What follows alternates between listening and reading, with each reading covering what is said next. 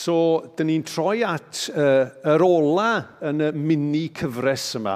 Dyn ni wedi cael lle dyn ni wedi bod yn edrych ar weddi a Iesu. Dyn ni wedi bod yn treulio'r pimp oedfa yn ystod mis awst yn edrych ar y gweddiau yna sydd wedi eu cofnodi yn y Testament Newydd. A dyn ni wedi gweld a wedi dysgu lot o bethau. Um, na i ddim rhoi test i chi, dwi'n mynd i'ch atgoffa chi. Uh, er tro cyntaf, wnaethon ni edrych ar weddi Iesu wrth i Lazarus gael ei godi yn ôl yn fyw. Ac yn hwnna, oeddwn ni'n gweld undod Iesu ar tad. Y bod nhw'n un, bod nhw eisiau'r un peth, a bod nhw eisiau rhoi gogoniant i'w gilydd. Wedyn ni fi oedd John, dwi'n meddwl, yr ail wythnos, yn edrych ar y geiriau anodd yna, pam yr wyt ti wedi troi dy gefn arna i? Iesu yn troi at ti dar, a y reality o'r gwahanu yna oedd yn digwydd ar y groes. Ond y cyfan yna'n atgoffa ni, am ba mor fawr oedd aberth Iesu Grist, y cyfan nath e ddioddau a'i ffyddlondeb e a'i gariad e wrth iddo, wrth iddo fe wireddu geiriau salm, fel o John yn ein hatgoffa ni, salm asgwennwyd gannoedd o flynyddoedd ynghynt. Wedyn, nath Mari yn do, ddod ni at y wedyn y lle oedd Iesu yn ildio i hun i ddwylo diw wrth farw, yn ildio'i hun i ddwylo Dyw, a oedden ni'n gweld yr agosatrwydd yna. Oedden ni'n gweld yr intimacy yna, a dwi dal ddim yn meddwl bod gynnon ni air Cymraeg cystel ar un Saesneg yn hynny. Pwydwch a deud wrth neb arall, ond mae'r Saesneg yn well yn hynny o beth. Yr intimacy yna rhwng Iesu a'i dad, a'r ffaith i fod yn yn gwachodd ni i fewn i'r un peth, i'r intimacy yna. A wedyn wythnos dweitha, Rhodri yn yn arwen i edrych ar y geiriau, dad dangos pa mor wych wyt ti. Iesu unwaith eto yn wynebu peth anodd ac yn profi ofn. Ond wrth wynebu hynny, yn i fyddhau ac yn dangos mawredd diw. So, dyn ni wedi gweld gwersi pwysig am undod Iesu ar tad, mawredd ei aberthau, agos atrwydd Iesu ar tad, ymddiriedeth, y trust yna, ac i fuddod a mawredd Dyw. A heddiw, dyn ni'n troi at y weddi mwy hira. Dyn ni'n troi i Ioan 17, a mae'r rhan fwyaf o'r benod, cyfan o'r benod, dwi'n meddwl, yn, yn weddi cyfan. Ond dwi jyst yn mynd i ddarllen rhan bychan ohono fe heddiw. So, Ioan 17, a dwi jyst am ddarllen adnodau 20 i 26. Nid dim ond drostyn nhw dwi'n gweddio. Dwi'n gweddio hefyd dros bawb fydd yn credu yno fi drwy ei neges nhw. Dwi'n gweddio y byddan nhw i gyd yn un, dad, yn union fel yr wyt ti a fi yn un. Dwi am iddyn nhw hefyd fod wedi'n huno â ni er mwyn i'r byd gredu mae ti sydd wedi fy anfon i Dwi wedi rhoi iddyn nhw yr ysblander roes di i mi, er mwyn iddyn nhw fod yn un fel dyn ni'n un. Fi ynddyn nhw a, a, uh, ynddyn nhw a ti yno fi. Dwi am iddyn nhw gael eu dwy'n i undod llawn. I'r byd gael gwybod mae ti sydd wedi fy anfon i, a dyfo ti wedi caru nhw yn union fel yr wyt wedi fy ngharu i. Dad, Dwi am i'r rhai rwy ti wedi rhoi i mi fod gyda mi ble bynnag rydw i, iddyn nhw weld fy ysblander i. Yr ysblander roes di mi, am dy fod di wedi fy ngharu i ers cyn i'r byd gael ei greu. Dad cyfiawn, dydy'r byd ddim yn dynabod di, ond dwi yn dynabod. Ac mae'r rhain wedi dod i wybod mai ti sydd wedi fy anfon i. Dwi wedi dangos pwy wyt ti iddyn nhw, a byddai'n dal ati i wneud hynny er mwyn iddyn nhw garu eraill, fel rwy ti wedi fy ngharu i, ac i mi fy hun fod ynddyn nhw. So, chydig o gefndir i ddechrau, fel sy'n amlwg o'r darlleniad, mi wnaethoch chi sylwi ar y geiriau cyntaf. Mae'n amlwg bod yna lot wedi dod cyn yr adnodau yna oeddwn ni'n darllen. Mae'r mae weddi dyn ni wedi darllen nawr yn rhan o weddi ehangach, gweddi llawnach. A dyma'r sefyllfa mae nos iau. Mae Gwener Groglith yn dod. Mae Iesu gyda'i ddisgyblion ac mae'n gwybod beth sydd yn mynd i ddod. A mae newydd siarad efo'i ddisgyblion unwaith eto am y ffaith i fod e'n mynd i farw. Ac mae wedi cynnig cysur iddyn nhw. Mae'n gwybod reality y ffaith uh, bod nhw'n mynd i deimlo colled, bod nhw'n mynd i deimlo ar goll. Ond mae'n ei cyfeirio nhw ymlaen at yr atgyfodiad, mae'n ei cyfeirio nhw ymlaen at ddyfodiad yr ysbryd glân oedd i gyd yn rhan o'r cynllun ac yn naturiol ddigon Mae Iesu fel nath e trwy oes yn troi at ei dad mewn gweddi. Ac mae'r weddi i gyd mewn tair rhan. Y rhan gyntaf ydy mae Iesu'n gweddio drosto ei hun. Yn bersonol iawn, ac mae'n gofyn i'w dad ei anrydeddu fe. Dyna'r peth cyntaf mae'n gwneud. Yn ail, mae'n gweddio dros y disgyblion sydd o'i gwmpas e. Mae'n gofyn i'w dad e falu amdanyn nhw, achos mae'n gwybod bod y mis, yr wsnosau, dyddiau, yr misoedd nesaf yn mynd i fod yn anodd iddyn nhw, bod yn mynd i fod yn gythryblus. A mae'n gofyn iddyn nhw ofalu amdanyn nhw. Ac wedyn y trydydd rhan, mae'n gweddio dros bawb sydd yn credu yno fi. Ar, ar y darn yna, dyn ni angen, dyn ni'n mynd i edrych heddiw. Ond cyn i ni neidio i fyna, dewch i ni gofio hefyd, mae be mae Iesu'n gweddio dros y disgyblion hefyd yn berthnasol i ni. Er bod e'n gweddio fe am y disgyblion oedd o'i flaen e, gan bod ni yn cael yn gwalw i fod yn ddisgyblion iddo fe, mae'r hyn mae'n gweddio dros i ddisgyblion hefyd yn berthnasol i ni. Mae'n gweddio iddyn nhw gael eu cadw'n saff, er bod pethau anodd yn medru dod. Mae'n gweddio am undod yn eu plith nhw. Mae'n gweddio ar iddyn nhw gael eu cadarnhau yn y gwirionedd bod nhw'n dal ar ei wirionedd e. A mae'n gweddio y ganw llawenydd, y llawenydd sy'n dod o gyflawni gwaith diw. Ond fel edes i, mae adnodau 20 i 26 yn benodol ar gyfer bawb fydd yn credu yno fi trwy ei geiriau nhw. Ac mae werth nodi hynny. Dwi'm yn gwybod os oeddech chi pan oeddech chi'n blant yn licio stori cyn mynd i gysgu, neu dwi'm yn gwybod os ydych chi'n rhieni oeddech chi'n darllen stori wrth y plant. Uh, o'n i'n wrth baratoi, o'n i'n... Chymo be? o'n i'm yn cofio, o'n i'm yn cofio os oedden ni bobl storis mawr, uh, oedd na adeg, mae'n siŵr pam oedden ni'n neud, e, o'n i'n gofyn throgiau, a dyn nhw'n cyfell llawer chwaith. Ond ydych chi'n clywed, yn dydych, am blant sy'n licio storis. A dwi wedi clywed rhywun yn deud rhyw dro, chymod, falle bod gen nhw hoff stori, yr un stori yma maen nhw'n licio clywed. A wedyn maen nhw'n clywed y stori, a wedyn maen nhw'n gofyn, dad neu mam, nid i ddarllen y stori eto, a tro yma, nid i rhoi fi yno fe. Achos dyn ni licio bod yn rhan o rhywbeth, yn dydyn? Dyn ni licio bod yn rhan o'r peth. Darlun tebyg, o'n i'n siarad efo gwion pan oedd e adre am, am, am y darlun yma, dyn nhw'n blaen. Chydig o fynyddoedd yn ofio ni ar yn gwyliau yn Zeland Newydd, a eithon ni ar trip. A oedd y trip mae'n mynd â ni rown lleoliadau gafodd ei defnyddio yn y ffilmiau Lord of the Rings. Chyma? Cyffroes iawn i rai o'n ni sydd yn drist ac yn licio stwff fel yna. A do'n i'm yn cofio hyn, ond oedd gwion yn cofio rhyw ddyn sôn ynglyn â gymaint o bobl leol oedd yn rhan o'r ffilmio. A fi rai o'n chi sy'n gwybod yn y ffilm, mae yna lot o ryw frwydre, pethau fel yna yna fe, does? A ceffylau yn reidio i bob man. Ac wrth gwrs, oedd nhw eisiau extras, oedd efo ceffylau. A oedd y dyn mewn sôn, eto dwi'n yn cofio gwion oedd yn sôn, oedd y dyn mewn sôn am un dyn lleol oedd wedi dod â'i geffil, ond oedd wedi gwneud pwynt o ddod â ceffil gwyn er mwyn iddo fe pan oedd e'n gweld y ffilm wedyn i weld dyna lle dwi. Pawb arall y cyffylau diflas brown a di, ond oedd e geffil gwyn, so oedd e'n, o, oh, dyna fi, fyna. Ond dwi'n neud y sylw yna achos, fel edrych i, mae gweld bod ni'n rhan o rhywbeth mwy yn bwysig.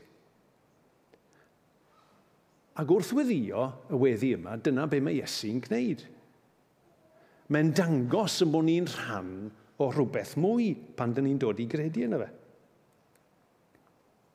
Os ydych chi'n gwrando bore yma, os ydych chi'n gwylio bore yma, a ydych chi wedi dod i gredu yn Iesu Grist, mae Iesu Grist yn gweddio drosoch chi. Mae'n gweddio droson ni, achos dyn ni ymhlith y bobl yma sydd wedi dod i gredu trwy ei geiriau nhw. Bawb sydd wedi dod i gredu. A mae hynny'n gret, achos dyn ni rhan o'r cynllun y A mae'n atgoffa ni bod gweinidogaeth Iesu Grist yn un tymor hir, chi'n gweld. Doedd e ddim jyst yn weinidogaeth ar gyfer yr adeg pam oedd e yma, oedd gynno fe gynlluniau. Oedd gynno fe gynlluniau i gael pobl. Fydden ni ddilyn e, ac yn ei wasanaethu e, ac yn ei addoli e.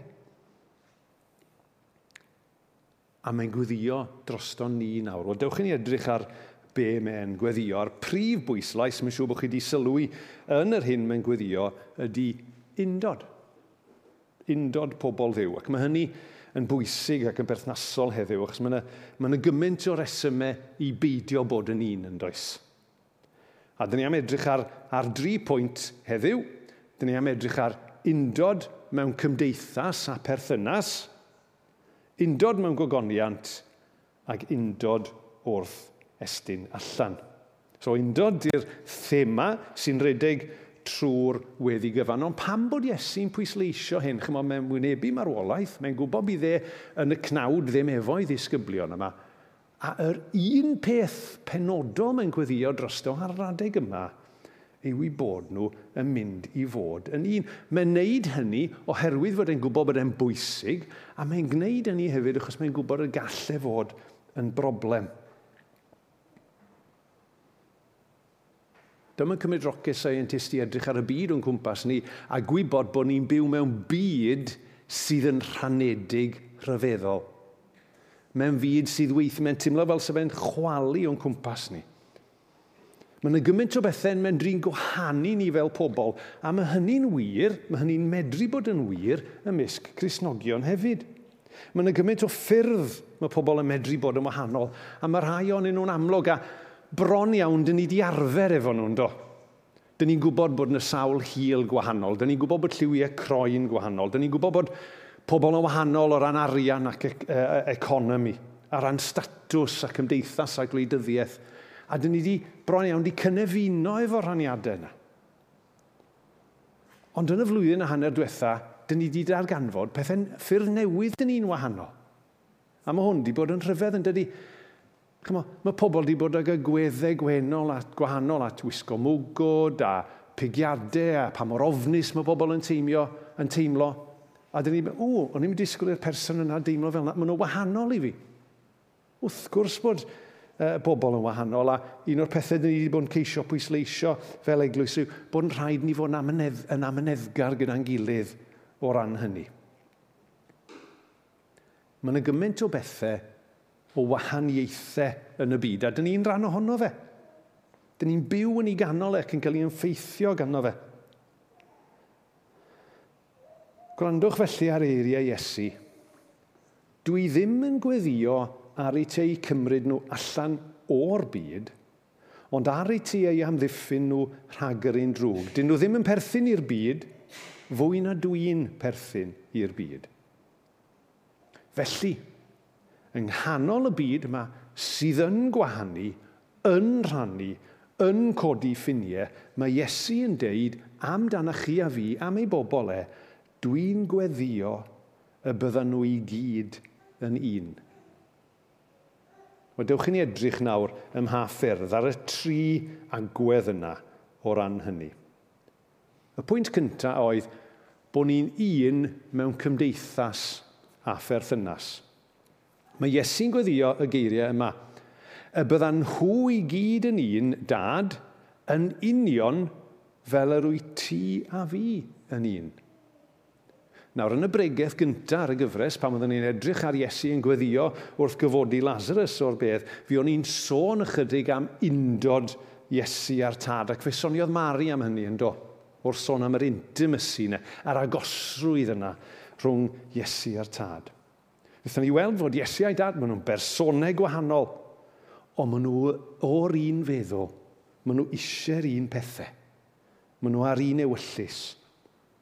Oedd Iesu yn deud i fod e'n gwybod bod ei dad yn gwrando arno fe bob amser. Mae bwriad Iesu a'r tad yr un peth er bod ei rôl nhw yn wahanol. A dyna ddymuniad Iesu ar yn cyfer ni er mwyn iddyn nhw gredu mae ti sydd wedi fy anfon i. Mae Iesu am i ni fod yn un fel yr wyt ti a fi yn un. Dyna mae'n gweddio. Mae nhw am iddyn nhw fod yn un fel yr wyt ti a fi yn un. So'r patrwm ar gyfer yn perthynas ni gyda'n gilydd yw perthynas Iesu a Diw Dad. Yr un feddwl, yr un bwriad, yr un pwrpas ynddo ef yn unol ag ewyllus diw. A fel dwi wedi awgrymu'n barod, mae hwnna'n, ma hwnna beth cwbl radical pan dyn ni'n edrych ar y byd sydd yn cwmpas ni. Ond mae werth i ni sylwi'r un peth, dwi ddim yn deud bod ni gyd i fod yr un fath. Dwi ddim yn deud i bod ni gyd i fod yr un peth. Mae'n deud i bod ni fod yn un ond nid yr un peth i arall eirio rhywbeth dwi'n meddwl dwi wedi clywed Dennis Young yn deud. Nid postage stamps ydy ni. Dydy Dyw ddim wedi gwneud ni gyd yn ei fath, mae di'n creu ni gyd yn wahanol. Dyn ni wahanol o ran personoliaeth, dyn ni wahanol o ran barn, dyn ni wahanol o ran tast gwahanol a rai pethau. Ond mae Iesu am i ni fod yn unol, fel mae e a'r tad yn unol. Yr unol yn yr hyn dyn ni'n ei garu, yn unol yn yn bwriad ni i gyflawni ewyllus Dyw yn ein bywydau, yn unol yn y nod ni o ddwy'n gogoniant i ddiw bob amser. Ac yn unol yn ein gwerthfarogiad o weld Dyw ar waith yn ein brodyr a chwiorydd. Mae werth sylwi ar y deuddeg yn hyn o beth, oedden nhw'n griw reit wahanol, oedden nhw'n griw reit amrywiol. Meddyliwch nawr, yng, yn y deuddeg yna, Oedd gynnwch chi Matthew, y casglwr trethu, y collaborator, oedd wedi bod yn gweithio efo'r awdurdodau Rufeinig, ac yn yr un rhai, oedd gynnwch chi Simon y Zelot. Oedd mae'n debyg, ni'n yn hollol siŵr, ond mae'n debyg yn un o'r gwrthryfelwyr. Siŵr bod y dynamics rhwngthyn nhw pan oedd y deuddeg yn cyfarfod yn ddiddorol iawn yn doedd. Meddyliwch am ddau oedd mor wahanol mewn gymaint o ffyrdd, ac eto mae Iesu'n dod â nhw i fewn – A mae'n ein galw nhw i fod yn un a'i gilydd. I fod yn intimate a'i gilydd, fel Iesu gyda'i dad, fel yr wyt ti a fi yn un. Yn y gymdeithas, ddim bod ni'n cytuno ar bob dim, ond bod ni'n unol mewn cymdeithas a pherthynas. Yr ail bwynt yw mae'n gweddio am undod mewn gogoniant. Na, mae hwn chydig bach y fwy cymleth, ond mae Iesu yn gweddio iddyn nhw weld fy ysblander i. Mae chydig bach yn fwy cymleth, dwi e ddim yn hollol eglur ar yr olwg gyntaf be mae Iesu Grist yn feddwl, ond mae werth i ni oedi a meddwl am y pwynt. Yn adnod 24, mae Iesu yn gweddio am iddyn nhw weld fy ysblander i. So ei weddi e, drosoch chi a fi, adre'n gwylio neu yma yn y capel, yw e fod, amin, bod e am i ddod yn fwy a mwy ymwybodol o ogoniant ac ysblander Iesu. Ond sut ni'n gwneud hynny? Sut ni'n dod i ddeall hynny? Yn amlwg mae hwnna yn digwydd wrth i ni ddod i'w nabod e yn well. Dyn ni'n dod i weld mwy amdano fe. Dyn ni'n cael treulio amser yn ei gwmni e. Dyn ni, ac wrth i ni wneud hynny, Dyna ni dod i'w nabod yn wella i garu e'n fwy. A chi'n wrth i fi sgwennu hwn lawr neu teipio hwn i fewn, o'n i'n meddwl, dewch i ni fod yn onest, yn weithiau mae mor wahanol i'n profiad ni efo pobl eraill yn dydy. Chymo, weithiau mi gawn ni yn denu at bobl, a wedyn wrth i ni ddod i nabod nhw well, neu wrth i chi ddod i nabod fi'n well, dych chi'n sydyn sylweddoli, o, dwi'n licio'r bit yna i gymeriad e. Ond nid felly mae hi efo Dyw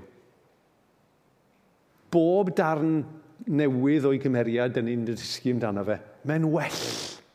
Dwi e ddim yn waith. Gawn ni ddim yn siomi yno fe. Cawn ni byth yn siomi wrth ddod i wybod mwy am ddew. Mae'r geiriau yma uh, o Ezeia yn wir iawn.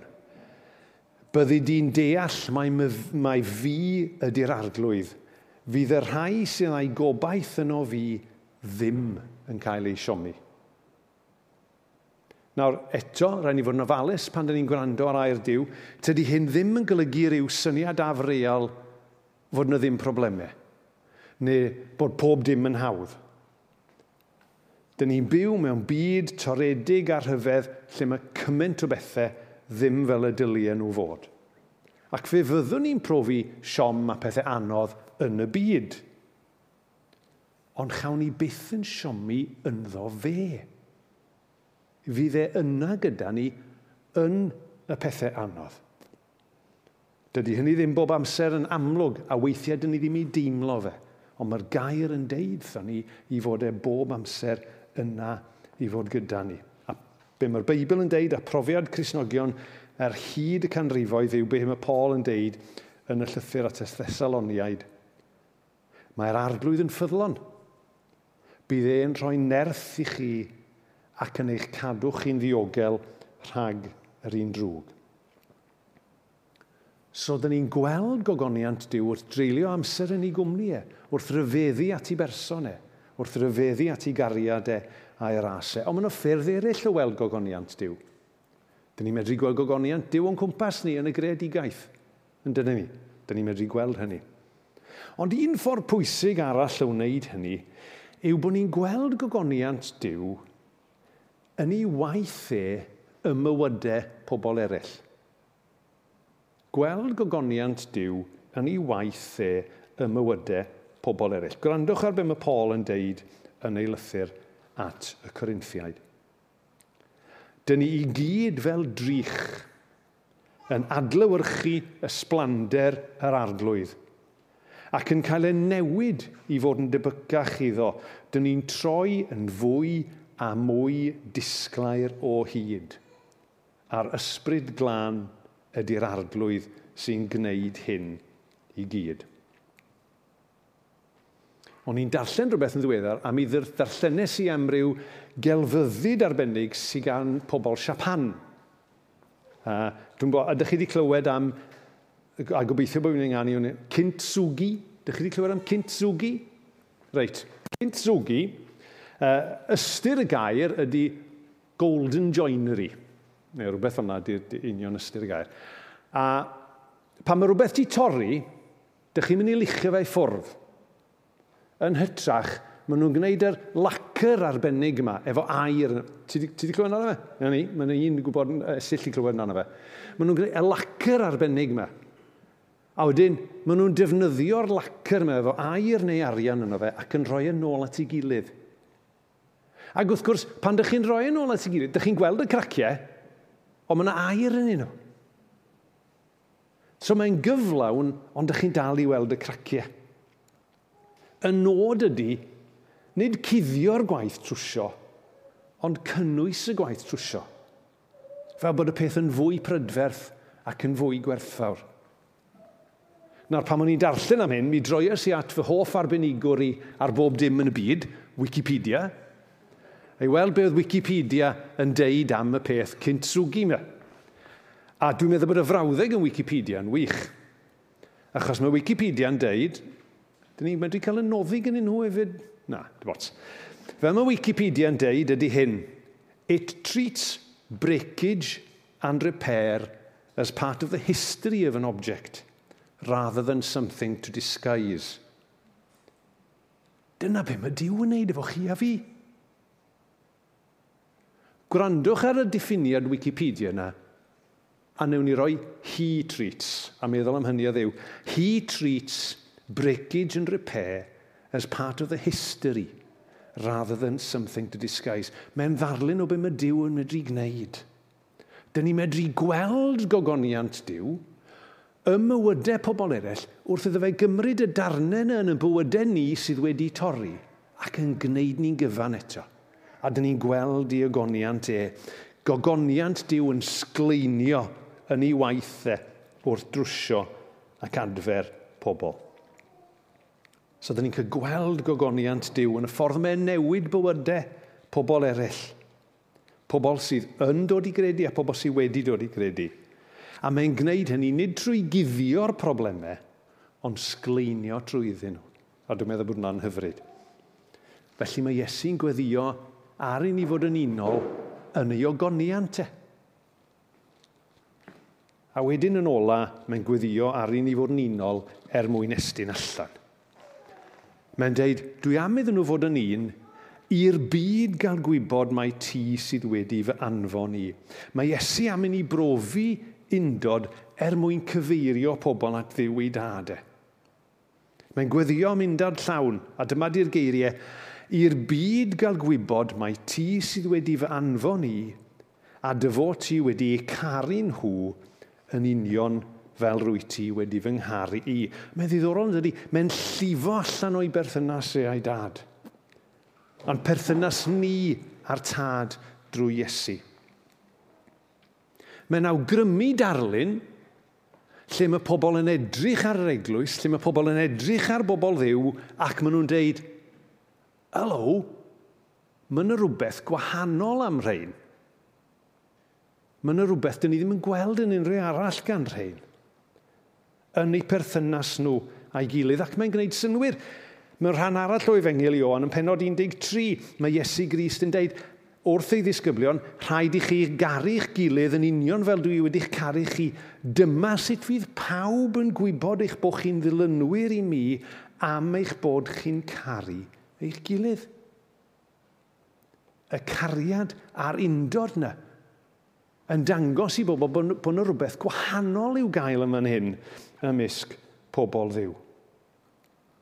A mae jyst dau beth dwi eisiau jyst nodi wrth basio. Mae'n arbennig o wir yn ein cyfnod ni lle, fel dwi wedi sôn yn barod, mae'r byd mae'n rhanedig a mae'r byd mae'n llai goddefgar nag y fydd e erioed.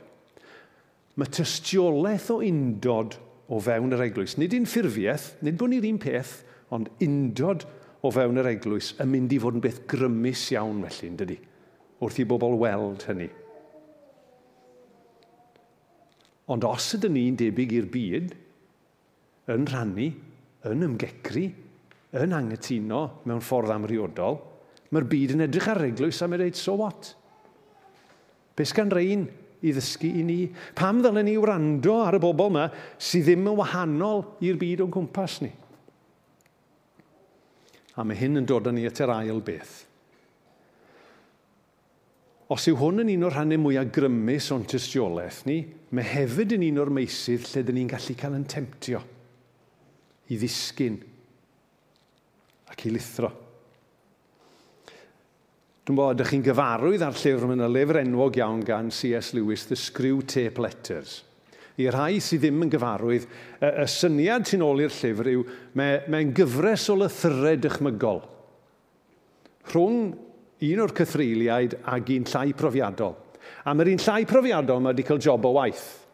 I job o waith e ydy rhyw berson arbennig a'i job o waithau yn y lle cyntaf di rwysro fe rhag dod yn gristion, a wedyn unwaith mae wedi dod yn gristion ei faglu e wedyn ni. Dyna di job o waith y cythrel ifanc yma. A mae'r un mwy profiadol yn rhoi cyngor iddo fe yn y llythyrau dychmygol yma ar sut i'w faglu e ac yn y blaen. A mae'n deud mewn un darn yma, un o'r ffyrdd o wneud hynny ydy tynnu sylw'r Cristion newydd yma at wendidau pawb o'i gwmpas e yn y capel am mae yr, yr lein arbennig yma yn y llyfr. A meddyliwch am y Cristion ifanc yma. Mae'n dod i'r capel a mae'n dweud, dwi'n dod at Grisnogion a maen nhw gyd yn mynd i fod yn wonderful a maen nhw gyd yn mynd i fod yn saint. A wedyn mae'n dod am yr dyn yr, yr, er cythral mae'n deud. Provided that any of those neighbours sing out of tune or have boots that squeak or double chins or odd clothes the patient, sef y Christian ifanc, will quite easily behave, believe that their religion must therefore be somewhat ridiculous. Nawr, falle bod ni ddim yn cael yn temtio gan double chins bobl ac yn y blaen, ond edrychwch y cwmpas chi, dyn ni wahanol. O Tristan yn sôn yn gynharach, dyma ni'n ei godi dwylo. Okay, mae yna rhai yn codi dwylo, rhai ddim. Os dyn ni ddim, ydyn ni'n gweud, os sbiwch, be maen nhw'n neud? Os dyn ni yn, am rhywun aros ar ei histedd yn ystod emyn, ydyn ni'n gweud, be maen nhw'n wneud? Ond cael yn temtio i weld gwahaniaethau a cael yn temtio i weld bai ydyn ni yn fyna. Os ydyn ni yn edrych ar ein gilydd mewn cariad, dyn ni'n gweld yn bod ni wedi cael yn huno gan y ffaith bod Dyw ar waith yn om ni. A mae hynny'n golygu fod e'n bosib i'r byd gael gwybod Mae ti sydd wedi fy anfon i, a dy fod ti wedi caru nhw yn union fel rwy ti wedi fy ngharu i. So i grynhoi. Ond y dri prif beth yn does, ond i grynhoi, mae'r adnodau yma, yn yr adnodau yma, mae Iesu'n gweddio'n benodol drosto ni, drosto chi a fi, yma, heddiw, nawr, adre, lle bynnag gyda ni, mae'n gweddio drosto ni a mae'n dangos be mae eisiau gweld yn ein bywydau ni. Nawr, be mae Iesu eisiau gweld yn ein bywydau ni'n eang iawn o'r rhan o cyffro y bywyd Cresnogol yw bod ni'n darganfod y ffyrdd mae Iesu eisiau wneud yn bywydau ni'n well. A'r ffyrdd gwahanol mae eisiau newid ni. Ond heddiw, dyn ni jyst yn canolbwyntio ar yr un peth yma. Mae eisiau ni fod yn un, yn unol, yn unol yn yn cymdeithas ni ac yn perthynas ni. Yn unol yn gweld i ogoniant e ac yn gweld i ogoniant e mywydau eraill ac yn unol wrth estyn allan hefyd. Dewch i ni weddio. O arglwydd Iesu, dyn ni'n diolch i ti am y weddi yma.